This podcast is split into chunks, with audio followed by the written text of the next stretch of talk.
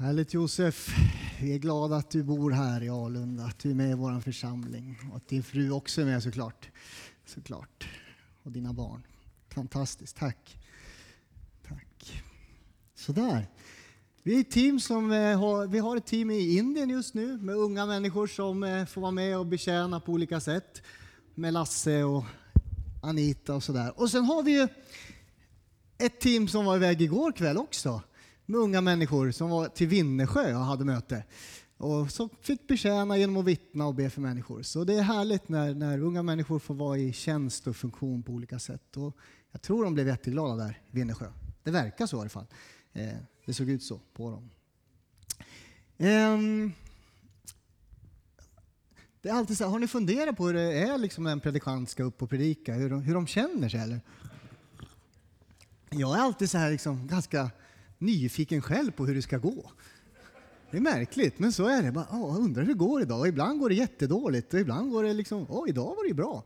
Så, så känner man sig. Sen behöver inte det liksom vara sant, men så kan det kännas. Men man har alltid någon form av förväntan. Undrar om de vill att man ska predika idag, eller undrar om de inte orkar lyssna på något idag. Man sitter där och, och funderar lite. Eh, idag, eh, när ni ser två jackor här, just det, jag ska byta sida på de här. För när jag förberedde mig så var det så här. Och det kan ställa till det.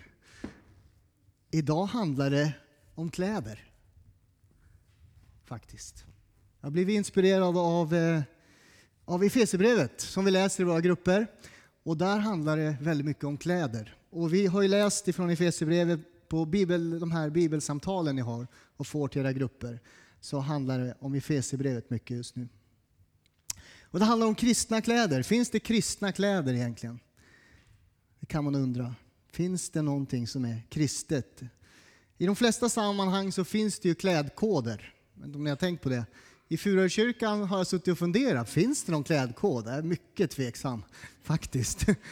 Här kommer man lite som man vill, det är kanske är det som är klädkoden. Kom, och det är ju fint på ett sätt. Men sen är det så här, liksom, kläder talar ju liksom om vad man är i för position eller sinnesstämning eller vilken roll man har. Det, det påverkas ju av hur, vad du klär dig, eller hur du klär dig faktiskt. Eh, jobbar jag just nu då har jag vissa kläder, om jag tränar så har jag andra kläder. Om jag sitter i soffan hemma så faktiskt så tar jag på mig en annan sorts kläder. Om jag är i laggorn, eh, vilket jag aldrig är, men om jag skulle vara i laggorn så, så har jag andra kläder på mig. Det spelar liksom roll hur vi klär oss hela tiden. Och när jag för några år sedan reste eh, utanför Umeå så ställde det sig en polis framför mig och jag visste att det var en polis. Varför då? För han hade ju poliskläder på sig. Han stod och gjorde något tecken så här. Jag skulle åka in där och så fick jag parkera och så sa han jag tar ditt körkort, det här får du inte tillbaks. Här har du böteslappen och så och jag stannade ju där för att han hade rätt kläder. Han var iförd en, en klädnad som hade auktoritet som gjorde att man stannade. Och att han tog mitt körkort var ju liksom, det är okej, okay, sa jag. Du får det. Det var ju för att han hade rätt kläder. Jag trodde ju att han var polis och hade auktoritet att kunna göra det där. Tänk om jag hade åkt där och det hade stått en naken man och gjort samma sak. Liksom vinka in mig där. Jag hade aldrig svängt in. Jag hade aldrig gett honom mitt körkort. För att det satt i kläderna. Förstår ni? Det handlar om kläder idag. Hur klär vi oss egentligen? Och kanske spelar det roll eh, när jag går på gudstjänst hur jag klär mig. Det kan vara så att eh, liksom, idag vill jag klä mig i gudstjänstkläder. Jag vet inte om ni tänker så överhuvudtaget. Jag tänker lite så. Eh, nu är det väl min fru som sätter på pojkarna mest kläder, men, men nog tänker vi lite grann. Eh, idag är det gudstjänst, då klär vi oss på ett sätt. Eh, igår var vi ute och lekte i regnet, då klär man sig på ett annat sätt. Det spelar roll vad vi tar på oss. I Efesierbrevet 4. Om du vill slå upp det. I Efesierbrevet 4 ska jag läsa en text.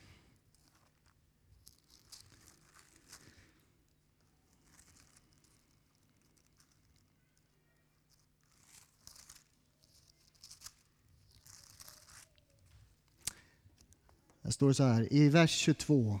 Den kommer där också. I vers 22 till 24 läser jag. Därför, säger Paulus, ska ni sluta leva som förut. Ni ska lägga av er den gamla människan som går under, bedragen av sina begär. Se till att ni förnyas i ande och förstånd och att ni klär er i den nya människan som har skapat efter Guds bild med den rättfärdighet och den helighet som hör sanningen till. Det är liksom grundtexten idag. Vi ska ta av oss någonting och vi ska ta på oss någonting. Alltså, Efesierbrevet ska jag säga är ett fantastiskt brev. Jag vet inte om ni läser det ofta. Jag har säkert läst det hundra gånger i mitt liv. Jag tror inte jag överdriver, jag hoppas inte det, för jag ska tala om lögn senare. Men eh, det är ändå så här, jag tror att jag har läst den minst hundra gånger. Därför att Efesierbrevet är så fantastiskt. Både hur det är skrivet och eh, den teologi som man finner där i. Det är nästan poetiskt ibland med sina bilder, med sitt språk. Det handlar om församlingen som är en kropp, som är ett tempel, ett mysterium, en ny natur, en brud, en soldat och så nya kläder får vi ikläda oss när vi är Kristi kropp och församling. Och de första tre kapitlen i Efesierbrevet är liksom helt otroliga, för där vill Paulus påminna oss, församlingen, om vad vi har i Kristus. Han vill påminna församlingen vad de äger i tron på Jesus Kristus. Han lägger upp tre kapitel rakt av som handlar om det här har vi i honom, genom honom, i Kristus, genom Kristus. Ni har läst det hoppas jag i grupperna. Och det handlar hela tiden om det. Han vill påminna församlingen som kanske har blivit smittad av världens sätt att vara och se på saker. Efesos, en stor stad, politiskt, religiöst, ett handelscentrum. Och där vill han påminna den här lilla församlingen om vilka är de i Kristus. Och så går vi igenom de här tre kapitlen. Jag gör det ganska snabbt med er här. Och så i de här tre kapitlen så talar han om att genom honom så är vi, i honom och genom Kristus är vi välsignade, säger han. Med den himmelska världens andliga välsignelser. De välsignelser du behöver, de finns hos Jesus. Genom honom är vi välsignade och den största välsignelsen är ju att vi har andligt liv, gemenskap med Gud. Det är det vi har välsignats med. Vi behöver inte leva utan Gud eller utan hopp. I honom är vi utvalda, står det. Du är utvald. Om ingen annan utväljer dig så utväljer Jesus Kristus dig. I honom så kan vi stå heliga och fläckfria inför honom i kärlek, står det. Vi är utvalda till att stå heliga och fläckfria inför honom i kärlek. Jag skulle säga att den meningen är liksom, sammanfattar hela meningen med mitt liv. Att det här är meningen med mitt liv. Att i Jesus Kristus får jag stå helig, avskild, utvald, fläckfri. Synden är tvättad, liksom borta. Jag är ren och jag står i honom i kärlek. Det är liksom ett högre syfte än att bara existera. Vi ska få liv från honom, vi får leva genom honom. Vi ska kunna bli fläckfria. Det går att leva rent för Gud, om du inte visste det. Det går att leva rent. Det är inte omöjligt att bli ren. I hans kärlek ska vi stå. Det tänker jag varje dag. Varje dag ska du liksom stå och låta dig översköljas av Jesu Kristi kärlek. Om du upplever dig älskad av honom varje dag, då kommer du inte söka det någon annanstans. Inte hos din fru eller dina barn eller någon annan vän behöver liksom ge dig ditt kärleksbehov. Det ska de göra. Men Gud har faktiskt allt vi behöver. Varje dag kan vi översköljas av hans kärlek. Efesierbrevet talar om det här. Du har fått en sons, och jag lägger till en dotters rätt. Du har fått en sons och en dotters rätt. Du har en pappa i himlen, en far. Om din pappa, din jordiska pappa, överger dig, sviker dig, är ständigt frånvarande, är arg, aggressiv, är liksom, jag vet inte, pappor kan vara som de är ibland. Så är din, jord, eller din gudomliga far, han är där hela tiden och han överöser dig, han bekräftar dig, han ser dig och han älskar dig. Sån är Faderns kärlek i himlen. Han öser sin kärlek över dig varje dag. Du har fått en sons och en dotters rätt. Du har en pappa i himlen som gör att du kan ropa, står det. Abba fader, jag älskar dig pappa. Genom hans blod, står det. Genom hans blod, och alltså hans död på korset, har vi tillträde till denna fader. Har vi tillträde till denna pappa. Han har friköpt dig. Slaven som var fast, och han var ofta i bojor, kedjor och så hade de ofta en, en halskrage av metall.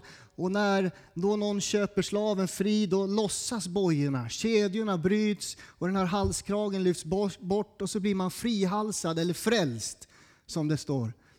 Vi blir frälsta och det har Jesus gjort för oss. Du är fri från synden. Genom honom, står det, har vi fått förlåtelse för våra överträdelser. Vet, det är inte Gud som är långt borta från någon av oss. Det är våra överträdelser och synder som skiljer oss från Gud. Men nu har vi möjlighet att komma nära, i honom och genom honom. Ni har fått den heliga ande som en gåva, står det. Ett sigill. Alltså han har stämplat oss, han har märkt oss. Helig ande bor i oss, vi tillhör Gud. Det är stort, det är liksom Paulus försöker, en borgen för vilka vi är. Vilket arv vi har i Kristus. Du är stämplad och klar brukar jag säga. Du tillhör Jesus om du har tagit emot honom. I detta jordeliv finns han för dig, men också kan du vara trygg att en dag så väntar himlen. Du behöver inte vara rädd, för du är hans. Och så försöker Paulus förklara det här för församlingen i Efesos. Låt er inte drabbas eller smittas av världens influenser, utan allt det här har ni i Kristus. Han är fantastisk när han lyfter upp. Det här är någonting positivt, någonting gott, någonting uppmuntrande och upplyftande för församlingen. Och så börjar han be. Han ber att ögon ska öppnas, att hjärtan ska förstå vad vi äger i Kristus. Vilken kraft som är verksam i oss som tror. Han till och med säger att samma kraft som han lät verka i Kristus när han uppväcktes från de döda är verksam i dig. Samma kraft som uppväckte Jesus från de döda är verksam i dig. Så du som lever i synd kan bli fri och få liv och evigt liv. Det är en oerhörd kraft som är verksam i vår värld idag. Det är liksom svindlande när jag tänker på det. Vad betyder det här egentligen? Det betyder att vi som en gång var döda genom våra överträdelser och synder, vi som satt, satt stenhårt fast i syndens träsk, vi sitter alla i samma båt, vi är alla drabbade av det här. Men Gud som är rik på barmhärtighet och medlidande, han öppnar sin famn och säger jag älskar dig på korset. Han tar emot våra liv som synden har dödat och gör oss levande tillsammans med Kristus. Det är vad vi äger och vad vi får. Och Det här har ni hört kanske många gånger, men varje gång jag läser det här i Efesierbrevet så fylls jag med glädje faktiskt. Jag blir glad. När jag satt nere på min, i min källare, i min bunker, som jag brukar kalla den. Jag satt där nere och skrev. Jag blev fylld av glädje när jag läser det här brevet. Och jag skriver de här orden och säger, jag får berätta det här för er igen och igen och igen. Det är fantastiskt vad vi äger i Kristus. Allt detta är nåd. Allt detta, frälsningen är av nåd. Det är gratis. Det är liksom helt och hållet Guds idé. Det är helt och hållet hans verk. Det enda du kan göra är att lita på att han får göra sitt verk i oss. Det är en gåva från Gud till bör från början till slut. Du spelar inte en huvudroll i Guds frälsningsplan faktiskt. Det är Gud som spelar huvudrollen. Du får liksom dras in i den och det är av nåd. Vi blir hans verk, står det, skapade i Kristus Jesus för att göra de gärningar som han har förutbestämt oss till. Alltså vi får gå i förutberedda gärningar. Det är nåd att få gå med Gud. Det är hans idé, det är hans plan, det är han som är aktiv. Det börjar alltid med Gud. Som jag sa, jag har läst det här kapitlet massa gånger. Och jag fylls av glädje, jag fylls av tacksamhet. Och ändå så känner jag ibland, jag fattar inte ändå fullheten, fattar ändå inte allt vad han har gjort för mig när jag läser. Hoppas ni läser i Bibeln varje vecka, för det är då man får liksom, vad sjöng han? Sanningens ord kommer in i våra liv. Lögnen talar hela tiden, men när vi läser Guds ord så kommer sanningens ord in i våra liv. Och så ber Paulus, han ber så här, måtte han i sin härlighets rikedom ge kraft och styrka åt er inre människa genom sin ande så att Kristus genom tron kan bo i era hjärtan med kärlek. Stå fasta. Stå fasta. Var stadigt rotade i honom så att ni tillsammans med alla de heliga förmår fatta bredden och längden och höjden och djupet och lära känna Kristi kärlek. Alltså, det här vittnade Emma om igår och läste den här texten där borta i Vinnersjö. Vilken kärlek, hur djup det är, hur stor den är. Guds kärlek. Tänk om vi kunde förnimma eller ana eller förstå den. Det finns mer att upptäcka. Men ändå så äger vi redan allt. Vi har allt i Kristus. Jag säger inte att du behöver göra något mer. Du behöver bara välkomna Jesus in i ditt liv. Ta emot honom, böj dig för honom. Vi äger allt i honom och genom honom. Så här lägger Paulus fram sin undervisning i de tre första kapitlen. Du kan gå hem och läsa sen om du inte tror mig. Jag bara sammanfattar lite grann av det. Och så det är liksom trosvis, det är fyllt av eh, hoppfullt, det är, det är upplyftande när man läser de här texterna. om vilka vi är i Kristus. Och sen kommer kapitel 4, 5 och 6.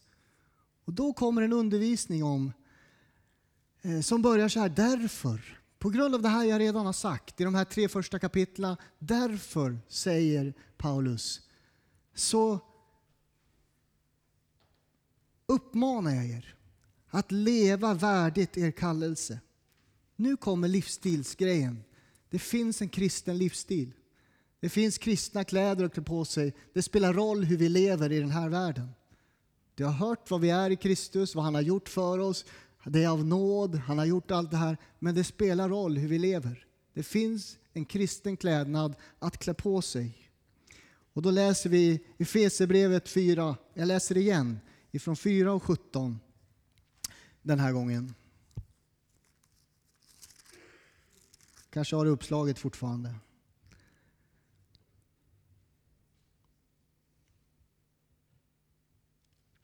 och 17 står det så här, den gamla och den nya människan. Därför besvär jag er för Herrens skull. Lev inte längre som hedningarna. Deras tankar är tomhet, deras förstånd förmörkat och de står utanför det liv som Gud ger därför att de behärskas av okunnighet och är förstockade i sina hjärtan. Utan någon skam ger de sig hän åt utsvävningar och lever ett alltigenom orent och själviskt liv. Men så är det inte med er.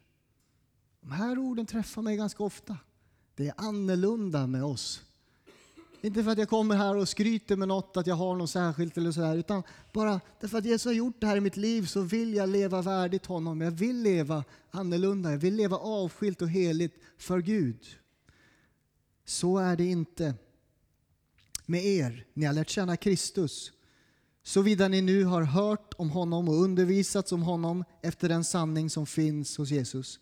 Därför ska ni sluta leva som förut.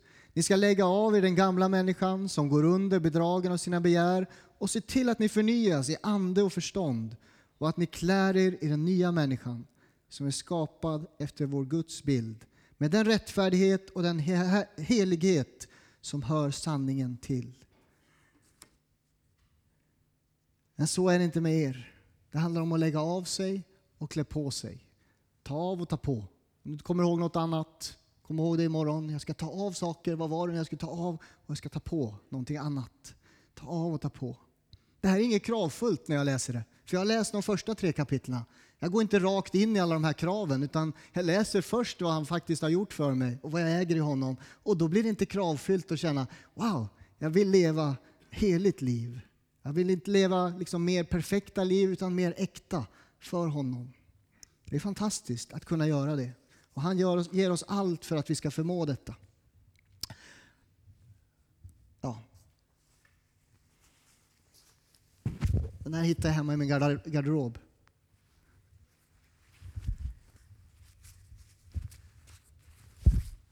Lukas Ternborg, 15-16 år gammal i Alunda. Ser ut ungefär så här. Det här var livet alltså. Jag levde verkligen i mörker kan jag säga. Det var otroligt mycket själviskhet, det var otroligt mycket, ja faktiskt hat fanns det i mitt liv, ilska över saker. Och jag såg, jag var iklädd det här. Jag hade också keps på mig, den har jag inte hittat. Men jag hade keps och den stack ut där och jag hade alltid luva på mig i gymnasiet. Så gick jag runt iklädd. Jag vet inte om någon har sett mig så här, men så här såg jag ut. Jag hade faktiskt en bomberjacka. Det var inte riktigt en sån här. Eh, var det någon fler som hade bomberjackor på den tiden? Ja, i varje fall. Och jag gick runt så här. Det låter jättekul när man har den där luvan på sig. Men i varje fall, jag gick runt så här på världens vis och levde på världens vis. Och livet var väldigt tomt. Jag visste inte vad gör jag här? Vad är det liksom för vits att leva överhuvudtaget? Och så tänkte jag så här, nej, när jag var 19 år då tänkte jag att jag behöver bli frälst. Jag behöver klä på mig en annan klädnad. Så tar jag av mig den här liksom, luvan och tar bort den där kepsen och börjar kamma frisyren. Nu har jag knappt någon frisyr längre, men jag börjar kamma frisyren liksom, lite snyggt sådär snedbena. Och så ikläder jag mig, kanske inte en kavaj, men jag tänker mig att det går bra. Jag klär på mig nya kläder. Och det händer ju någonting när man gör det, då vet jag inte hur jag ser ut. Eller hur? Jag tycker i alla fall, oj den var skitig. Men i alla fall, den, liksom, det är ju skillnad när jag klär mig i det där eller när jag ikläder mig en kavaj. Jag känner mig ju, en del känner sig obekväma, jag känner mig stilig faktiskt. Känner mig liksom, jag går på ett nytt sätt. Om jag går på, vet jag, om jag skulle möta Sveriges kung eller något, ja, han är inte så märkvärdig, men oh, okej okay då. Om jag skulle möta någon väldigt, eh, jag ska se om det finns någon annan viktig person jag skulle vilja möta. Eh, Gunde Svan, han tycker jag är viktig. Eh, då, då liksom, och så går jag med luvan neddraget sådär och kommer på det sättet. Det, det säger ju någonting. Men så ikläder jag mig kavaj och han kanske skulle ha sportkläder för sig. Jag känner att jag kan möta honom på ett nytt sätt. Jag klär på mig nya kläder. Det är det det handlar om, det kristna livet. Det är det Paulus talar om i den här texten. Jag tar av mig det gamla och jag klär på mig det nya. Vi får se om det blir mer kavajer i gudstjänsten i framtiden. Det blir som pingst, pingströrelsen snart. Ja, till och med Torsten. Han har inte sin gamla väst idag, han har sin kavaj. Det är ju fantastiskt Torsten, förlåt jag skojar. För Vad är det som ska tas av? Och vad är det som ska tas på? Det ska vi gå igenom nu i den här predikan. Vad är det som ska tas av? Han talar om det, Paulus, i texten. Så om ni slår upp Bibeln där så, så ser vi. Vers 25. Jag tar på mig den här igen. Vers 25. Se om den kommer upp. Här är Lukas innan han blev frälst. Ska vi se, där. Då står det så här. Lägg därför bort lögnen och tala sanning. Alltså det är annorlunda hos er. Ni lever ett heligt liv. Därför ska ni lägga bort lögnen och tala sanning. Alltså kasta bort den här gamla, vi säger att det här är en lögnarjacka nu som är fylld av lögner, som är fylld av överdrifter. Jag skarvar, jag överdriver, jag ger falska löften, jag ljuger kanske om mig själv, jag kanske tror om lögner som andra har sagt till mig. Det finns lögn i mitt liv. Och Lasse hade en hel predikan om lögnen, kommer du ihåg det? Vi mår så dåligt vi svenskar därför att vi ljuger så mycket, var det någon psykolog som hade kommit fram till, eller vad det var, någon forskare.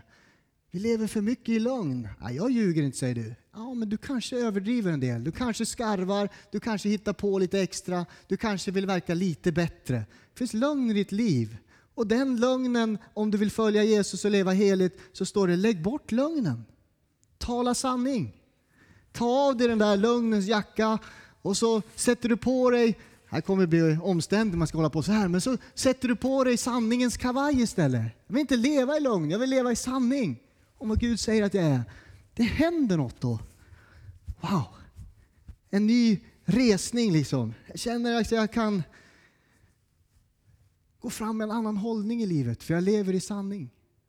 Jag har inte på mig den där lugna jackan längre. Jag tänker så här, ibland kommer det tillfällen i varje lärjunges liv när man blir trött på sig själv. Jag är så trött på halvsanningar, jag är trött på att ge löften jag inte håller. Jag är trött som att jag lovar mina barn, min fru, mina vänner saker, men jag håller inte. Det är, det är lögner det med. Jag vill lägga av mig det. Jag vill liksom ta av mig den jackan och ikläda mig sanningen. Leva heligt och sant och rent. Lägg bort lögnen. Därför att han har gjort allt det där för mig så vill jag göra det. Jag vill ikläda mig Kristus ännu mer. Ta på dig sanningens kavaj eller vad det är, din klänning eller vad du har. Då kommer du växa. Ditt liv kommer få en ny hållning. Vers 26, vad står det där? Grips ni av vrede, så synda inte. Låt inte solen gå ner över er vrede. Låt inte djävulen få något tillfälle. Står det. Grips ni av vrede, så synda inte. Har du vredesjackan på dig ibland? Nu är det allvar. Har du vredesjackan? Man får väl bli arg, ja det är en känsla man har.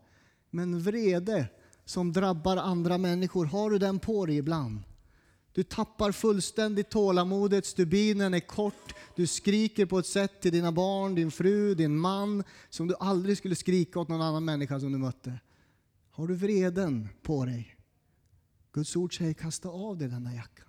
Ta av dig de där kläderna.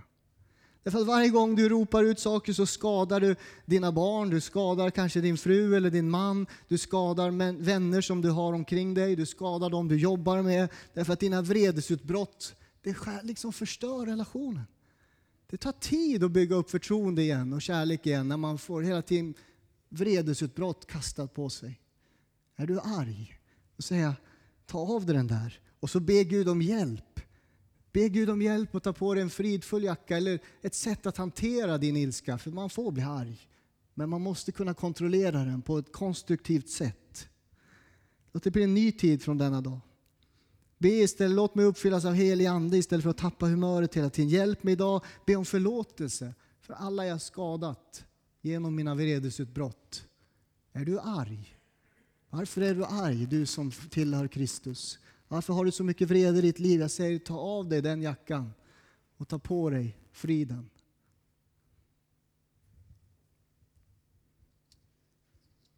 Kanske det inte blir perfekt direkt, men över tid så märks det skillnad. Om du vill växa som lärjunge kan vi inte bära de där kläderna.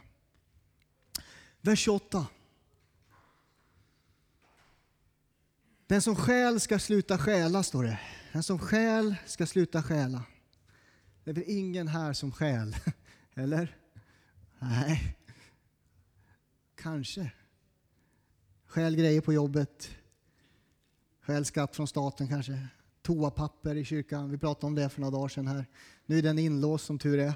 Hade det varit lösa rullar, jag lovar att det hade försvunnit hem en massa toapappersrullar. Sådana är vi bara. Ja, jag har slut på toapapper hemma. Här står den. Jag tar. Alltså, man tar lite. Sådär. Kanske du stjäl andras beröm. Andra har lyckats väl, andras, andras ära. Du tar deras beröm, deras ära. Vi stjäl. Eh, I Sydafrika när jag jobbade på, eller gick på bibelskolan där så sa de gång på gång att de behövde ha vakter i bokhoppen. För folk gick på gudstjänst och efteråt stal de böcker om Jesus i bokhoppen. Det var tjuvar där. Det kanske var bra att stjäla det, jag vet inte. Men de är ändå tjuvar. Det pågår även i kristna, kristna kretsar. Att man inte förstår att jag kan inte låta bli det som inte är mitt. Men tjuven ska sluta stjäla. Ta av sig den där tjuvjackan. Bränn upp den också. Ta på dig liksom arbetskläder, står det. Gör något med dina händer, står det i texten efteråt.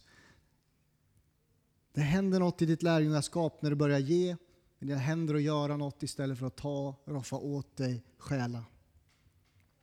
Ta av dig stöldjackan, klä på dig och börja använda dina händer. Vers 29. Öppna inte munnen. Det här kan vara svårt. Öppna inte munnen för ofruktsamt prat, utan säg bara sånt som tjänar till att bygga upp.